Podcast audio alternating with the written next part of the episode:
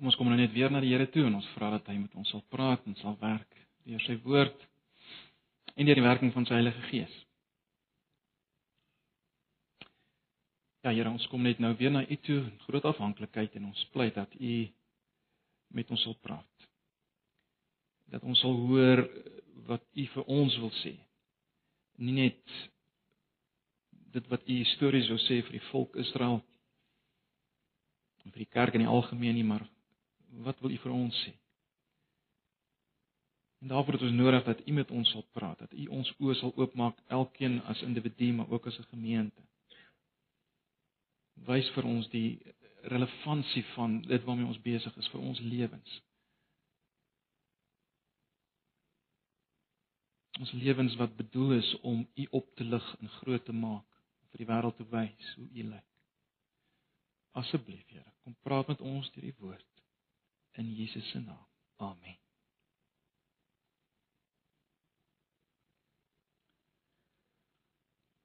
Ons is steeds besig met Esegiel. Volgens kom ons by Esegiel 36. Esegiel hoofstuk 36.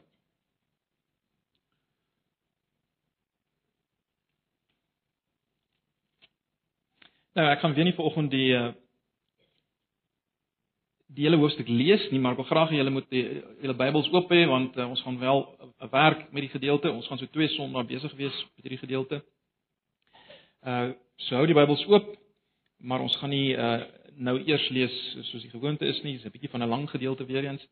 Uh maar ons gaan wel uh, deeglik kennis neem van van alles wat hier staan. Nou, broers en susters, ek uh, ek dink veronderstel die meeste van julle het al gehoor van die sogenaamde tweede wet van termodinamika.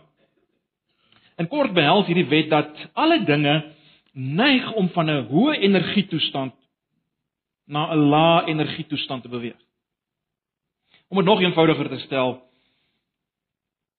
kan mens sê alle orde neig om wanorde te word. Alle orde neig om wanorde te word. Nou hierdie hierdie wet het na die sondeval natuurlik akute afmetings geneem. Uh, ek dink julle sal saam met my sê as mens net rondom jou kyk, dan sien mens dit. Veral hier in Suid-Afrika, né? Dit is op die oomblik nie baie moeilik om dit te sien nie. Maar maar ek wil nie hê dat ons nou weer dit ver weg van onsself as te ware sal stoot en sê ja, kyk hoe lyk dit in die land kyk hoe lyk dit in die wêreld nie. Uh Dink maar net in jou eie lewe. Dink net vir 'n oomblik aan jou eie lewe. Dink aan jou eie geestelike lewe. Is dit nie so dat daar gedurig die neiging is om agteruit te gaan? Gedurig, as ons weer kry, begin ons slap word. Ons ons gee in vir versoekings. En wat ons op 'n stadium in ons lewe gedink het ek sal nooit ingee vir hierdie versoeking nie, en as ek my weer kry, dan gee ek nou in vir hierdie versoeking. Ek gaan agteruit. Uh uh ek spandeer al minder en minder tyd aan die Here spandeer al meer tyd aan aan ander dinge. Julle weet hoe maklik dit gebeur, né? Uh, 'n uh, toestand van agteruitgang. En broers en susters, dis presies natuurlik wat ons sien in die in die hele verhaal van die Bybel. As ons die Bybel as een groot verhaal sien, dis presies wat ons sien in die verhaal van die Bybel. Dis presies wat ons sien in die geskiedenis of in die lewe van die volk Israel. Maar die punt wat ek volgens wil maak is is dit, dis nie soos dit moet wees nie. Dis nie soos dit behoort te wees nie. Dis nie wat God wil hê dit moet wees nie. Dis baie belangrik. God wil hê ons moet al meer en meer tyd met hom spandeer. Al meer en meer besig wees met hom sodat ons al meer en meer kan beleef dit wat hy wil hê ons moet beleef as uh sy mense, sy beelddraers in die wêreld. Daar's natuurlik 'n 'n leuen van die duiwel wat so klink. Ja, maar jy moet gebalanseerd wees. Julle het seker al gehoor. Ja, maar onthou net, wees net gebalanseerd. Moet net nie te veel uh te veel besig wees met geestelike dinge nie. Nou dit is 'n absolute leuen van die duiwel, is dit nie? Jy moet nie te geestelik raak nie, want dit is destruktief. Dis nie goed vir jou nie. Moenie te behep raak met geestelike dinge nie. Nou, broers en susters, luister net vir 'n oomblik na Johannes 10 vers 10. Julle ken dit. waar Jesus sê die dief kom net om te steel en te slag en te verwoes. Ek het gekom dat hulle lewe en oorvloed of lewe in oorvloed kan hê. Of lewe en dit in oorvloed kan hê. Ek het gekom dat hulle lewe en dit in oorvloed kan hê. Jy sien wat God in Jesus wil gee vir sy mense is lewe in oorvloed. Nou, natuurlik, ons het al baie daaroor gepraat. Ons moet dit nie verwar hier met met uh finansiële voorspoed en en en dit wat die welvaartsteologie ouens daarvan maak nie. Natuurlik nie. Ek meen Johannes Evangelie wys baie duidelik dat die lewe in oorvloed is dit wat in Jesus self is. Ek is die weg, die waarheid en die lewe, né? Nee, dis wat Jesus self kom gee. Uh hy verteenwoordig as te ware hierdie lewe. Maar moenie die terme mis nie. Moenie die terme mis wat Jesus gebruik nie. Lewe, oorvloed. Ons moet dit raak sien. En daarom, broers en susters, daarom enige toestand wat dit nie weerspieël nie is nie die normale wat God wil nie. Ek sê weer, as dit is waarvoor Jesus gekom het, lewe, oorvloed, dan's enige iets wat dit nie weerspieël nie, nie die normale nie, nie dit wat hy wil nie. En ek wil die stelling maak dat die toestand van die kerk in die wêreld, die toestand van die kerk in Suid-Afrika, die toestand van Antipas is nie dit wat dit bedoel is om te wees.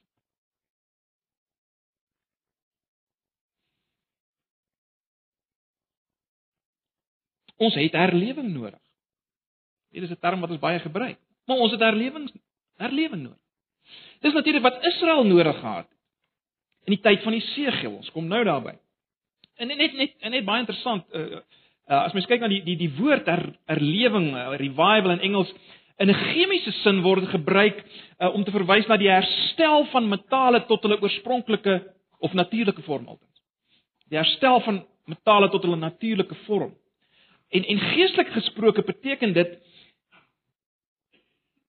herlewing is om terug te kom na die natuurlike vorm van Christen wees, van kerk wees en dit is lewe en oorvloed daarvan. Lewe in oorvloed. Maar ons is besig om na Esegiel te kyk. En ons is besig om te kyk na God. Ons is besig om 'n visie van God te kry. En wat ons moet raak sien vir oggend in Jesegiel 36 is dat hierdie herlewing waarvan ons praat dit is wat God wil want dit pas by wie hy is. Ons moet dit raak sien. Dis wat hy wil want dit pas by wie hy is. So kom ons staan nader aan Jesegiel 36. Ek het reeds genoem ons gaan so twee sondae besig wees So hierdie is net die, die eerste helfte van die van die van die storie as ek dit so kan sê, julle julle moet volgende Sondag wees. Kom ons kyk net eers wat kry ons hier in Esegiel 36. wat kry ons hier in Esegiel 36? Baie belangrik, ons moet onthou dat as ons kom by hoofstuk 36 het Jerusalem geval. Aan die ander woord is die stad ingeneem. Luister net na Esegiel 33 vers 21. Op die 5de van die 10de maand in die 12de jaar van ons ballingskap het daar iemand by my aangekom wat uit Jerusalem ontsnap het en vir my gesê het: "Die stad is ingeneem." Die stad is ingeneem. Nou, ek weet dit is moeilik vir ons om te identifiseer met met dit wat hulle beleef het in op, op daardie oomblik. Maar broers en susters, dis 'n absolute laagtepunt, 'n absolute laagtepunt in die hele geskiedenis van die volk. Hulle was in absolute wanhoop. Let wel nie net die ouens wat in die stad was nie, maar ook die ouens in ballingskap was in absolute wanhoop. Onthou, wat was Jerusalem? Jerusalem was die Godstad, die plek waar God se teenwoordigheid was. Sy tempel was daar. Hy was daar teenwoordig. Dis sy stad. En nou is hierdie stad ingeneem, let wel, deur heidene. Mense wat hom nie ken nie, hom nie eer nie, hom nie dien nie vir alle praktiese doeleindes was God weg. Dis dit is hulle te beleef het. Hy's weg. Of ten minste hy het ons totaal gelos. weer eens ek ek dink nie ons kan ons regtig voorstel hoe plat geslaan die volk moes wees nie. So dis belangrik om te onthou dis waar die volk nou is. Dis die punt waarop hulle is. Baie belangrik as ons kyk na hoofstuk 36. Nou Ons moet onthou in hoofstuk 35 ons het nou nie gekyk na hoofstuk 35 nie, maar in hoofstuk 35 het God deur Esegiel die berg Seir aangespreek. Hulle sal sien na in hoofstuk 35 vers 1 sal julle sien uh die woord van die Here het tot my gekom mens draai jou gesig na die bergland van Seir toe en tree op as profeet teen hom. So in hoofstuk 35 word as te ware gepraat met die berg Seir of die bergland Seir, dis natuurlik die gebied van die Edomite. In hoofstuk 36 spreek God weer die berge van Israel aan. Kyk dan na vers 1. Mens, nou moet jy as profeet optree. Die letterlike vertaling sê tot die berge van Israel. Vir die berge van Israel sê die 83 vertaling. En dis wat ons kry uh in die eerste 15 verse. God spreek die berge van Israel aan. Nou dit voel vir ons snaaks, né? Nee? Ek bedoel hoe hoe spreek jy die berge aan? Maar ons moet onthou dis dis profesie en en profesie is nou eenmaal bietjie anderste. Uh dit maak gebruik baie keer van beelde om om 'n sekere boodskap sterker oor te bring en so meer. Ten diepste word hier natuurlik maar gepraat met die volk, né? Nee? Maar maar die, maar die profesie kom teen die berge van Israel. Die skrywer is natuurlik ook besig hier met 'n ek kan amper sê retoriese tegniek want want deur die berge van Israel aan te spreek hier word hoofstuk 35 en 36 as te ware aan mekaar gebind want jy sal sien dat Edom word weer genoem in vers 5. Dit bind die twee gedeeltes aan mekaar. Nou die eerste deel van hierdie uitspraak wat gerig is teen die berge van Israel, daarin verdoem God weer die vyande wat as te ware hierdie berge geroof en geplunder het en veral dan weer Edom. En dis wat ons kry dan in die eerste 7 verse van hoofstuk 36. Ons het al daaroor gepraat broers en susters, God verskoon nie die ouens wat sy mense leed aangedoen het nie. Baie belangrik. Die wat sy mense aantas, dit raak hom. Hy tree op teen hulle. Maar goed, ons het al daaroor gepraat. So dis die eerste gedeelte. In die tweede helfte van hierdie woorde aan die is, aan die berge van Israel word daar vorentoe gekyk. Daar word gekyk na 'n tyd wanneer hierdie berge vooruitstrewend sal wees. Uh en baie interessant, hierdie belofte dat die berge weer vrugbaar en dig bevolk sal wees, is nou presies die teenoorgestelde van die vloek wat oor Edom uitgespreek word. Uh as mens nou gaan kyk na hoofstuk 35 vers 3 en vers 7 en vers 15 van hoofstuk 35, dan dan is dit presies wat gesê word Die teenoorgestelde word presies gesê wat met Edom gaan gebeur, né? Nee. Die land sal onbewoon word. Onbewoon wees ensovoorts. En uh in Hoofstuk 36 die oorvloed van die berge.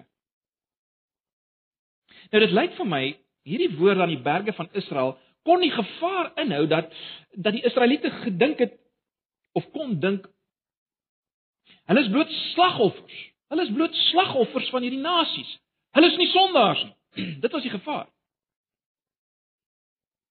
Hulle is nie sondaars wat dit alles oor hulle self gebring het nie. En omdat omdat daar hierdie gevaar is, verskaf God weer 'n kort historiese oorsig wat ons nou al baie keer gevind het hier in uh, Esegiel. Hy hy hy gaan so 'n bietjie deur die geskiedenis en wys wat het gebeur. En dis wat ons kry in Hoofstuk 36 vers 16 tot 21. En die doel van hierdie historiese oorsig is om te beklemtoon dat God se oordeel het oor die land gekom Dis hoekom hulle is waar hulle is. Dis hoekom dinge lyk soos dit lyk. God se oordeel het oor hulle gekom en hoekom? Omdat sy verbondsmense die verbond verbreek. Omdat sy verbondsmense onrein was, verbondsverbrekers was. Kyk net na vers 17. Mens, toe Israel nog in hulle land gewoon het, het hulle die land verontreinig met hulle optrede en hulle gedrag. Hulle optrede was in my oë net so onrein as 'n vrou wat menstrueer. So dis hoekom God hierdie historiese oorsig gee om net te wys dit dis die rede. Natuurlik sou dit vir die wêreld wat toe kyk, van buite af as ek dit so kan stel. Sou dit gelyk het asof God nie sy mense kon beskerm nie of nie sy eie mense kan beskerm nie. Dit sou vir die wêreld gelyk het asof God hulle totaal gelos het en nou gaan uitdelg. En daarom kry ons vanaf vers 22 geweldige gedeelte waar ons weer sien dat God sy heiligheid, dit wil sê sy heelheid, sy volheid, sy volkomme andersheid kom wys vir die wêreld. En dis waaroor Esegiel profeteer vanaf vers 22 en vanaf vers 22 is dit nou nie meer onduidelik met wie hy, wie hy praat nie. Dit is baie duidelik nou dat hy met mense praat. Met sy mense praat. Dit is nou nie meer die berge nie. Dit is nou baie duidelik sy mense. En wat ons hier kry broers en susters is maar net weer 'n prentjie van wie God is en wat hy gaan doen. Wie God is en wat hy gaan doen. Kom ons lees net vers 33 tot 36 saam. Dis die eerste verse wat ek wil uitlig. Want hier sien ons iets van iets geweldigs belangrik van wie God is. Want dis waarmee ons besig is, né? Nou, ons is ten diepste besig om te kyk na wie God is soos dit kry in Esegiel. Vers 33. So sê die Here my God: Die dag as ek julle van julle sonde reinig, sal ek sorg dat julle stede weer bewoon word en sal julle pynhope herbou word. Nou dis in presies dieselfde wat hy alreeds gesê het uh in vers 10 vir die berge van Israel, né? Maar hier baie duidelik praat hy met die volk. Vers 34: Die kaalgestroopte land sal bewerk word in plaas daarvan dat dit kaal lê voor die van almal wat daar verbygaan. Vers 35: Hulle sal sê die land was verlate en nou is hy soos die tuin van Eden. Die stede het in pyn gelê, hulle was verlate en verwoes en nou is hulle vestingstede met inwoners. Vers 36: Die nasies wat nog rondom julle oor is, sal besef dat dit ek die Here is wat die verwoeste stede herbou en die kaalgestroopte land weer beplant. Ek die Here sê dit en ek sal dit doen. Het julle gesien die verwysing na dit sal weer soos die dit sal soos die tuin van Eden wees. Die mense sal sê dis nou soos die tuin van Eden. Vers 35, die land Israel is nou soos die tuin van Eden. Baie belangrik want wat ons hier sien broers en susters is dat God besig is weer met 'n herskepingsdaad. Dis dieselfde God wat geskep het in Eden gaan weer skep. Jy sien God se wese is skepend. God is kreatief en konstruktief. Het julle gesien hy word hier uitgebeeld as 'n bouer en 'n planter of 'n bouer en 'n boer as jy wil. Kyk net daarna vers 36. Ek die Here is, dit is ek die Here wat vir die verwoeste stede herbou en die kaalgestroopte land weer beplant. God word uitgebeeld as 'n bouer en 'n planter. En moenie die klem mis nie. Oral is dit ek sal dit doen, ek sal dit doen, ek sal dit doen. Daar's geen sprake van enige menslike aktiwiteit nie. Ek sal dit doen. Maar kom ons kyk nou na sewe as jy wil beloftes wat hierdie kreatiewe konstruktiewe God hier vanaf vers 22 nou gee. Sewe beloftes wat hy maak. Gaan dit net basies lees. Gaan nie nou iets daaroor sê regtig nie. En ek ek wil hê ons moet net kyk na wat God gaan doen. Nou volgende Sondag gaan ons sien daar is daar is 'n ander kant. Uh ons gaan weer kyk na God, maar ons gaan sien Ons gaan bietjie iets meer sien hoe hy ons inskakel, maar vanoggend wil ek hê ons moet net fokus op wat God gaan doen. Wat hy beloof. So ons gaan net vinnig so deur. Kyk na vers 23. Kyk na vers 23. Ek sal die heiligheid van my groot naam laat blyk wat onder die nasies in oneer gekom het. Dis die eerste ding wat God sê. Ek sal die heiligheid, met ander woorde die andersheid, die volkomendheid van my groot naam laat blyk wat onder die nasies in oneer gekom het. Ek gaan met ander woorde, ek gaan my reputasie herstel onder die nasies. Hulle gaan weer sien wie ek is. Hulle gaan weer sien wie ek is. Dis wat God sê. Hulle gaan weer sien wie ek is. Vers 24. Ek sal julle tussen die nasies uit wegvat, julle uit al die lande bymekaar maak en julle na julle land toe bring. So God gaan sy mense terugbring na die plek wat hy vir hulle gegee het, beloof het aan Abraham. Hy gaan sy beloftes weer vervul. Hy gaan hulle weer terugbring na waar hy uh na die land wat hy vir hulle gegee het die beloofde land. Vers 25. Ek sal reinigingswater oor julle uitgooi sodat julle rein kan word. In ander woorde, God gaan sy mense skoonmaak. Hy gaan hulle reinig. Onthou, hulle was onrein. Julle uh, het net gesien, hy sê hulle was hulle was so onrein soos 'n vrou wat menstrueer. Hulle hulle was onrein. Hulle moes skoon gewas word en God sê hy gaan dit doen. Uh, hier word nie gesê hoe hy dit gaan doen nie, maar gaan, hy gaan dit doen. Hy gaan hulle skoon was. Dis vers 25. Uh, vers 25a. Vers 25b is eintlik 'n 'n vierde belofte As hy sê ek sal julle reinig van al julle onreinheid en van al julle afgoderry. Julle sal nou al weet tot op hierdie punt dit is die groot probleem van Israel, hulle afgoderry. Hulle besig is om hulle tyd, hulle aandag, hulle lojaliteit, hulle emosies te gee vir ander gode behalwe buite die Here.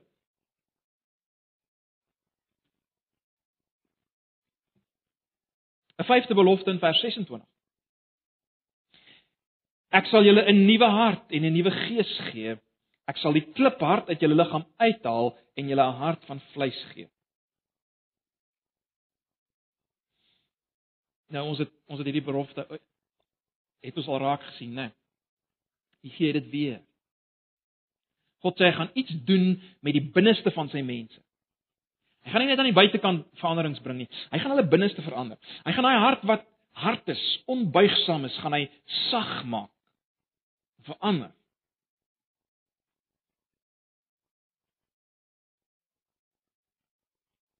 En dit bring ons by die 6ste belofte in vers 27, ek sal my gees in julle gee. Ek sal my gees in julle gee. Geweldige belofte. Broers en susters, tot op hierdie punt was dit nie so nie. In 'n ander woorde, tot op hierdie punt was daar 'n kliphaar Nou God 'n hart van gees gee. En ek sal maak dat julle volgens my voorskrifte leef en my bepalinge gehoorsaam en nakom. In ander woorde, daar sal 'n absolute morele verandering kom in hoe hulle leef. En is as gevolg van die feit dat hy sy gees in hulle binneste sal gee. 'n Sewende ding. Hy sê ek sal julle bevry van alles waarmee julle julle verontreinig het. Ek sal die graan aanspreek en sorg dat baie is. Ek sal nie weer hongersnood oor julle bring nie vers 30 is 29 ek, vers 30 ek sal sorg dat daar baie vrugte aan die bome is en groot oes op die lande sodat julle nie weer die vernedering onder die nasies beleef dat julle hongersnood het. Saam hiermee kan mens vers 38 lees. Ek ek ek ek laat vers 37 doelbewus uit want ons gaan volgende Sondag gaan dit een van ons fokusverse wees. Vers 38: Die stede wat nou in pyn lê sal net so vol mense wees as wat Jerusalem vol kleinvee is in die feestydde, kleinvee vir die offers, dan sal Israel besef dat ek die Here is. In ander woorde, hierdie hierdie hierdie laaste belofte uh wys eintlik hoe alles gaan sigbaar word. Met ander woorde, mense gaan aan dis die manier hoe mense gaan sien dat God 'n nuwe werk doen. As hierdie as as daar hierdie absolute vermeerdering is van sy mense. Ons moet dit raak sien. Dis hoe dit gaan sigbaar wees dat God hierdie nuwe werk doen. Daar gaan 'n sigbare vermeerdering van sy mense wees. Uh terloops, blykbaar uh is daar so ongeveer 250 000 kleinvee geslag tydens hierdie feestydde uh feestyd in Jerusalem. En God sê ek sal julle vermeerder. Julle sal net so vol Jerusalem sal net so vol mense wees as wat vol kleinvee is in die feestyd. Uh as dit geoffer word.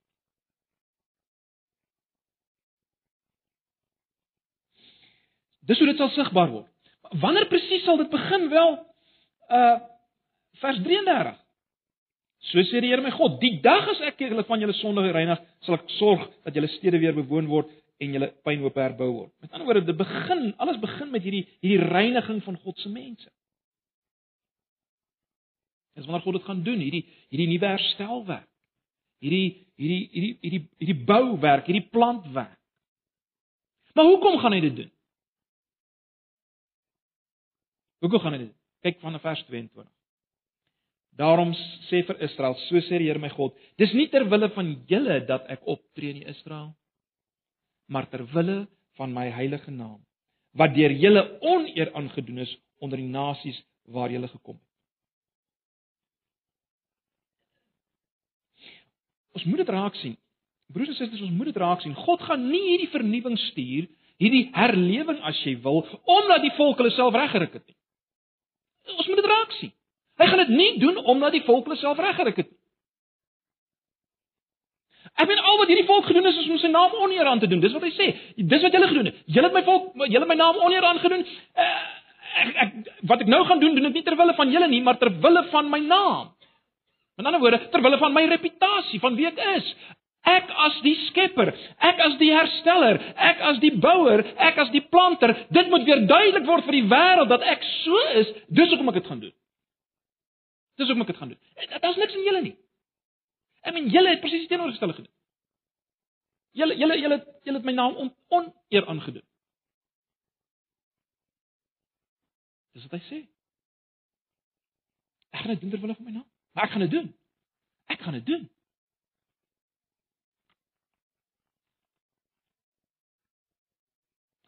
Broers en susters, dis 'n kort wat wat hier aan die gang is. Maar weer eens wat sê dit vir ons? Wat sê dit vir ons wat hier sit vanoggend?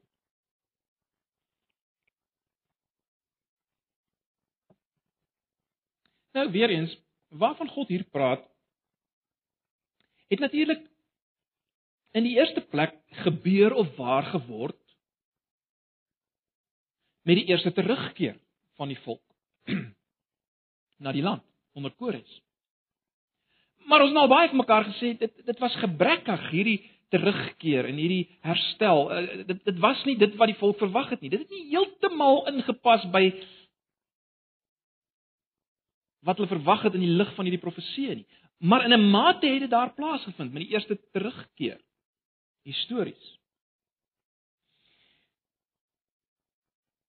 Maar broers en susters, natuurlik verder het dit wat hier beloof is gebeur met die sterwe van Jesus, die kruisiging, die opstanding, die hemelvaart en die uitstorting van die Heilige Gees. Ons weet dit. Hier in Esegiel sê God net hy gaan hulle reinig dat daar's nog geen aanduiding hoe hy dit gaan doen nie en hulle sou waarskynlik dit ook nie kon begryp as hy dit vir hulle wou sê nie. Maar ons weet in retrospek kan ons terugkyk in die Nuwe Testament maak dit duidelik dat die reiniging waarvan gepraat word het plaasgevind op Golgotha toe God die seun daar hang onder God se oordeel oor sonde en sy bloed vloei soos die bloed van 'n offerdier. Daar het die groot reiniging plaasgevind. En dan staan hy op uit die dood en die dood is oorwin en die Gees kom En nou kon die Gees in sy mense kom. Na Pinksterdag. En sy mense kom vermeerder na Pinksterdag. Want sy mense het nou bestaan uit Jood en heiden. En dit kon hulle ook nog nie duidelik sien nie. 'n Nuwe volk het tot stand gekom en en en en, en hulle sou vermeerder en vermeerder en vermeerder. Tot 'n ontelbare menigte. Dis hoe dit gebeur het histories. Maar As ons moet eerlik wees, en ons weet dit broers en susters, ons weet dat die die toestand van die kerk selfs na Pinksterdag neig weer terug na 'n toestand van dit wat ons kry in Esegiel. Van die volk in Esegiel. Daar is altyd 'n ter, terugneiging na daardie toestand. Uh 'n toestand van afvalligheid, koudheid, louheid. 'n Toestand van as jy wil geestelike ballingskap, daar's weer en weer in die geskiedenis die die neiging om so intoe terug te keer. In jou geestelike lewe en in my geestelike lewe is daar die neiging om weer terug te keer sodat ons weer presies is in 'n sekere sin, in 'n sekere sin waar die volk was.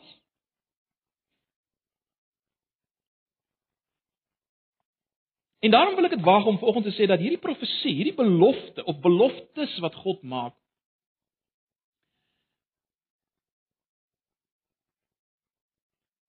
is 'n belofte van dit wat God weer en weer wil en kan doen. Hoor julle wat ek sê? Hier is 'n belofte of beloftes wat van dit wat God weer en weer wil en kan doen vir sy mense. En dit is presies wat gebeur in herlewingstye. Dis presies wat gebeur in herlewingstye. Nou, nie een van ons wat hier sit het al herlewing beleef nie. Of hier staan. Nie een van ons. Onthou herlewing is nie 'n opwekking hier en 'n opwekking daar en 'n klomp mense by 'n byeenkoms hier en 'n klomp wat daar lekker sing. Dis nie herlewing nie. Herlewing is wanneer God op groot skaal doen dit wat hy hier beloof het. En ag, julle moet myself die herlewings gaan lees. Ehm uh, fascinerende lees, leesstof, die herlewings van die val van die 18de eeu. Maar ook later uh herlewings in Wallis en so meer in die 20ste eeu in Suid-Afrika. In Suid-Afrika. in die 1800s. Maar goed, die punt is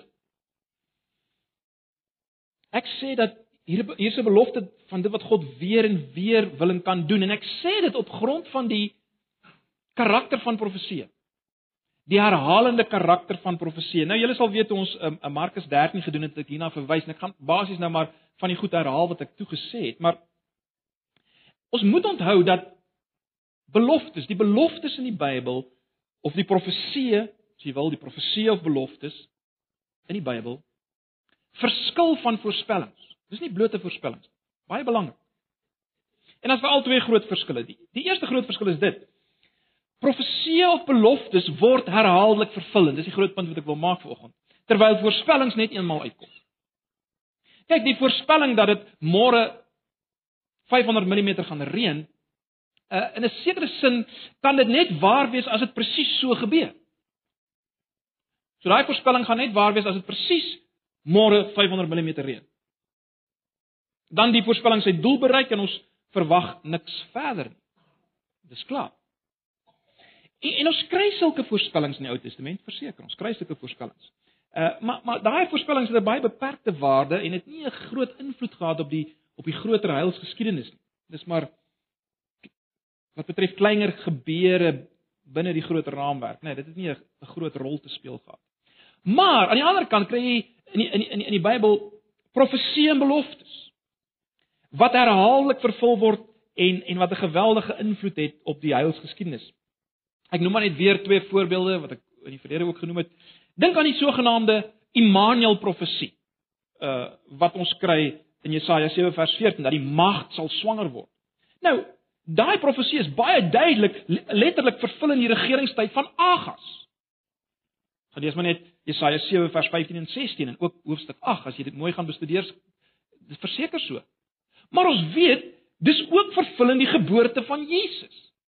Die Immanuel belofte. Dan is daar die sogenaamde profesie oor die dag van die Here en, en dis 'n interessante een. Uh jy kry byvoorbeeld in Amos 5 vers 18 tot 20 En en hierdie profesie is baie duidelik ver, vervul in die val van Jerusalem, waarvan ons ook in in Jesegiel lees. Maar Petrus maak dit baie duidelik dat dit weer vervul gaan word as Jesus gaan kom. As mens 2 Petrus 3 vers 12 lees, dan praat hy weer van hierdie dag van die Here. So daar's weer 'n vervullingspunt. Maar in 'n sekere sin selfs met die die koms van Johannes die Doper en die koms van Jesus en en die Heilige Gees is, is alles in 'n sekere manier hoe hierdie belofte van die dag van die Here vervul is. Jy sien dis weer en weer vervul. Dis net soos dit werk. So Bybelse beloftes word weer en weer vervul. Verder meer voorspellings kom, kom presies uit soos 'n mens vooraf uit die voorspelling kon aflei dat dit gaan uitkom. Maar as mens kom by profesie en beloftes, is dit anders. Dat daar's 'n daar's 'n vrye manier van vervulling as jy wil. 'n Mens kan nie sommer uit die profesie aflei presies hoe die vervulling gaan lyk nie. Mens kan nie. Kom ek gee een voorbeeld. Joël 2 vers 28 tot 30. Petrus sê baie duidelik op Pinksterdag, dis nou vervul, daai belofte wat Joël gee. Maar my liewe aarde, as jy gaan lees, dan is dit baie moeilik om dit raak te sien. Met die uitstorting van die Heilige Gees. Ek meen in Handelinge 2 by die uitstorting van die Heilige Gees is daar niks van die maan wat bloed word soos daar in die profesie in Joël van gepraat word.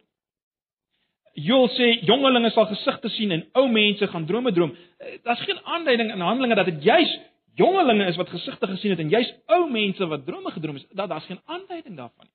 Uh 'n mens kan eintlik glad nie agterkom dat daar na Pinksterdag juis meer drome was byvoorbeeld en so meer. Jy sien jy sou jouself die vervulling van Joël 2 sou jy vir jouself totaal anders te voorgestel het as wat dit gebeur het uh, op Pinksterdag want dis wat daar gebeur het. Petrus sê dit onder leiding van die Gees. En en in Johannes in Openbaring 9 uh wys weer dat Joël 2 op 'n totaal ander manier vervul word in die eindoordeel. So daar's dit weer word dit weer 'n keer vervul. Maar goed, ek wil nou nie verder daarop ingaan nie. Jy julle sien die punt wat ek wil maak is baie duidelik, né? Nee. Profesie beloftes word weer en weer vervul en nie presies soos ons sou verwag het moet vervul word soos ons dit kry uh, in die aanvanklike uitspraak in die profesie nie. En daarom broers en susters, dit wil ons kry in Esegiel. Hier in Esegiel en ook later in hoofstuk 37 is reeds vervul in 'n sekere mate met die eerste terugkeer, met die kruisiging, met die uitstorting van die Heilige Gees, maar in herlewingstye word dit weer en weer vervul en ons kan verwag dat dit weer vervul gaan word. Dit is my punt. Ons kan 'n verwagting hê vir oggend dat dit weer gaan gebeur en dat dit weer kan gebeur. Dit is baie belangrik. So ons moet mekaar vra maar hoe hoe lyk dit? Hoe sal dit lyk? Ten minste min of meer, né? As daar as daar hierdie vernuwende werk van God is, hierdie herlewingswerk van God is persoonlik in my persoonlike lewe, maar ook in die lewe van die kerk. En dit is belangrik dat ons daaroor sal dink. Miskien sit jy ver oggend hier en jy's baie bewus, jy's baie bewus van jou eie lewe wat wat onderworpe is aan die die tweede wet van termodinamika, né? Jy jy weet jy is nie waar jy moet wees nie as gemeente. Ons het nie herlewing in hierdie gemeente nie. Ons weet dit. So kom ons dink bietjie oor hierdie beloftes wat waarna ons net nou net so vlugtig gekyk het. Hoe sal dit waarskynlik vergestalting vind as God weer vernuwing bring en herlewing bring? Wel, in eerste plek sy naam, sy reputasie sal bekend word onder nie-Christene. Hoekom? Omdat hulle sal sien hoe radikaal anders ons as Christene is. In ons dag vir dag optrede. En dit veronderstel natuurlik dat ons in kontak sal wees met hulle. As God herlewing gee in jou eie lewe en die lewe van 'n gemeente, dan begin mense rondom praat van God. En hoe ongelooflik hy is. En wat hy doen en wie hy is. Dit dit sal gebeur.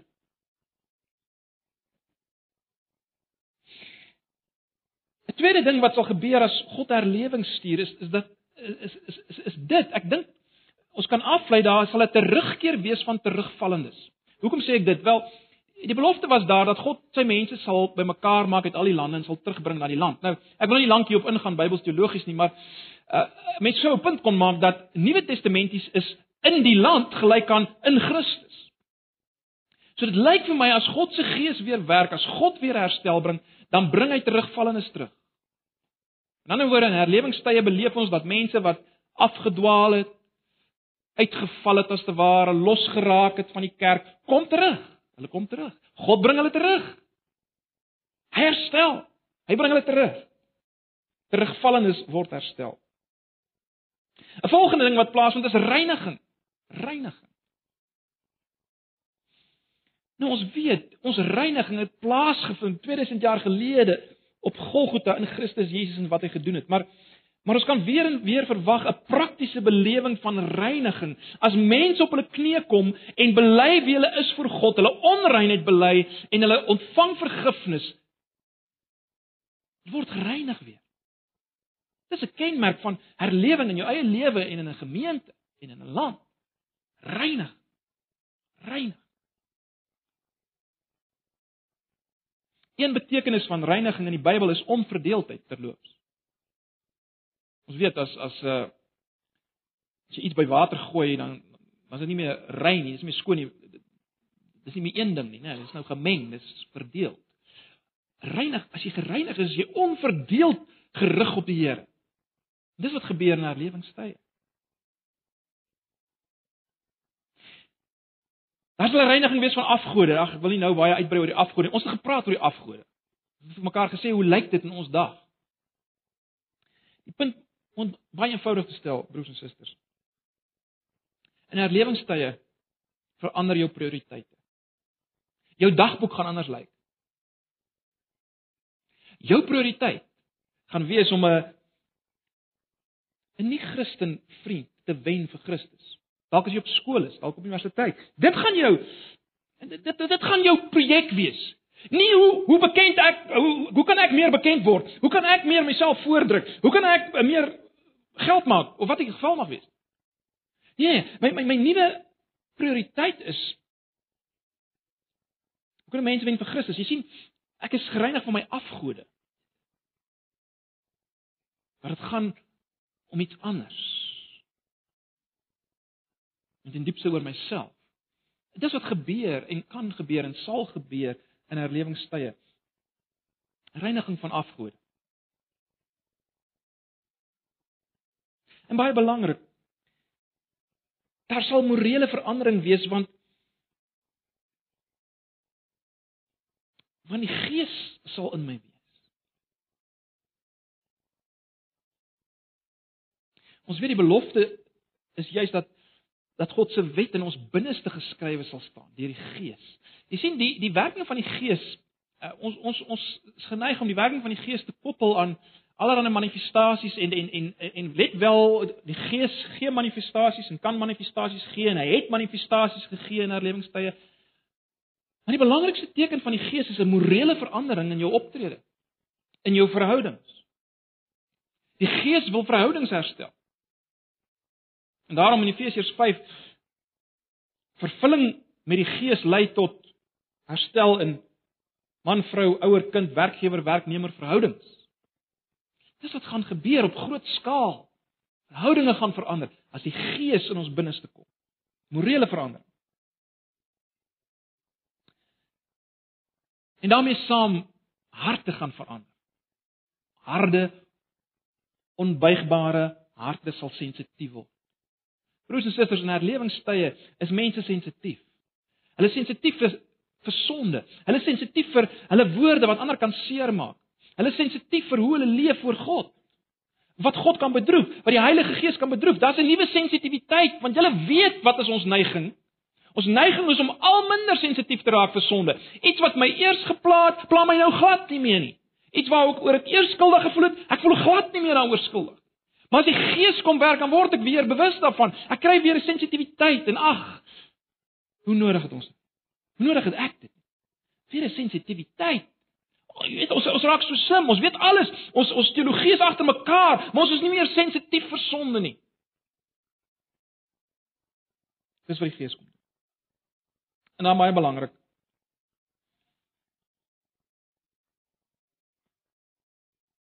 Wanneer die Gees werk, kom daar getalle. Broers en susters, ons het al baie van mekaar gesê, maar ons moet baie versigtig wees om te sê God stel nie belang in getalle nie. God stel belang in getalle. Absoluut. Van die begin af. Ons sien dit in Genesis. Wees vrugbaar, vermeerder, vul die aarde. Dis wat God wil hê. Hy wil hê die aarde moet gevul wees met wie? Met sy beelddraers. Dis hoekom getalle vir hom belangrik is. Getalle is belangrik vir God want hy wil hê meer en meer mense moet hom weerspieël op meer en meer plekke.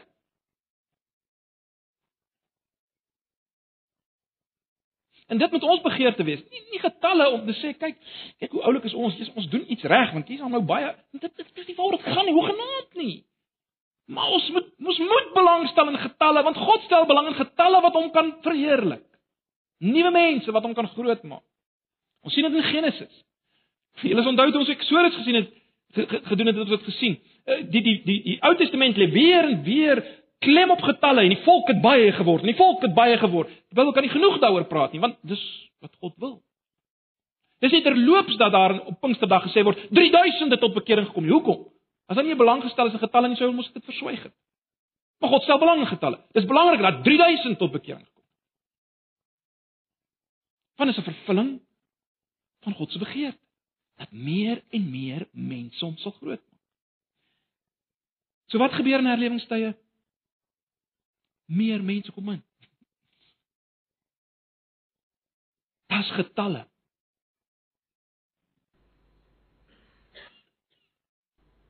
Ag broers en susters, ons kan nog baie hieroor praat, maar dis wat God wil doen.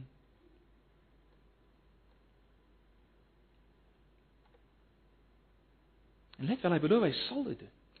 Hy het dit gedoen in die geskiedenis. Hy sal dit weer doen. Wat is die uiteinde hiervan? Die uiteinde hiervan is dat sy mense al meer soos hy wil. Konstruktief, kreatief. Dat ons al meer sal lewe bring soos hy. Onthou nou, onthou net weer, ons ons moet dit nooit vergeet, ons moet altyd hierdie goeie gedagte hou. Waarvoor is ons gemaak? Ons is gemaak om God se beelddraers te wees. Wat beteken dit prakties? Eh, eh, dis ons skepingsdoel, maar wat beteken dit prakties? Wat beteken prakties? Dat as die wêreld na jou kyk, moet hy sien hoe sou God lyk as God 'n besigheidsman sou wees? Hoe sou God lyk as hy onderwyser sou wees?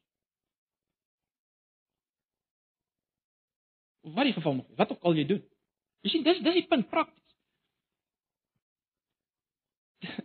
Dis wat gebeur as as God ons weer terugbring na wat ons moet wees.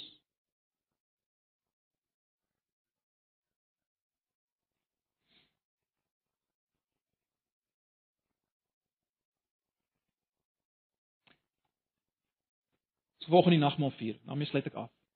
Broers en susters, in die nagmaal sien ons as te ware prakties en ons gaan dit proe hoe absoluut radikaal God verbind is tot hierdie vernuwing, tot hierdie herstel. God is so verbind tot hierdie herstel dat hy die onbeskryflik groot wese daai wese wat Jesegiel gesien het in sy visioen in hoofstuk 1, daardie God het mens geword. 'n Pap babatjie geword. Sodat daardie God uiteindelik aan die kruis kon sterf onder sy eie oordeel. God die seun, let wel, dis nie 'n ander persoon nie. Dis God die seun wat daar sterf. So radikaal is hy verbind tot die herstel van sy mense. Tot sy eer, tot die eer van sy naam. So radikaal. En die enigste manier hoe dit regverdiglik kon plaasvind, hoe dit regverdiglik kon plaasvind dat hy sy mense kan herstel. Die enigste manier hoe dit kon plaasvind is dat sy bloed moes vloei.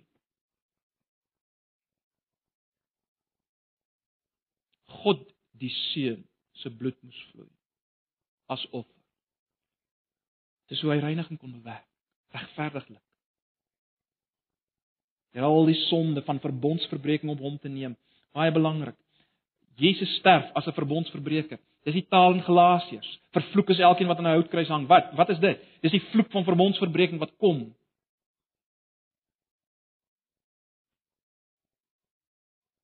Dit gekom oor Jesus.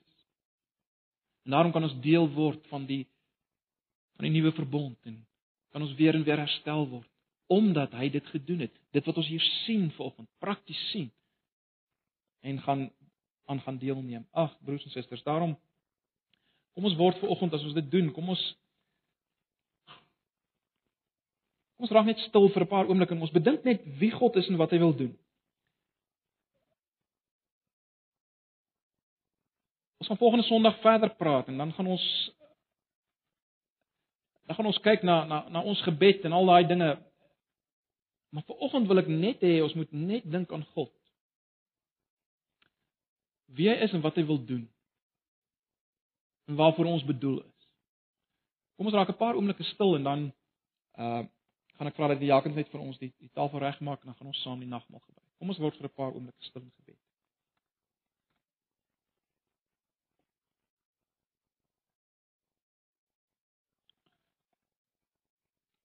Ja, Vader, baie dankie dat ons in hierdie oggend maar net weer kan bewus word van wie U is.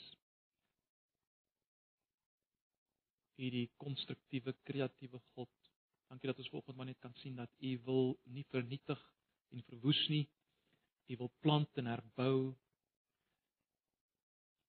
Dankie dat ons nou hierdie tekens kan gebruik wat vir ons wys hoe radikaal U verbind daartoe is.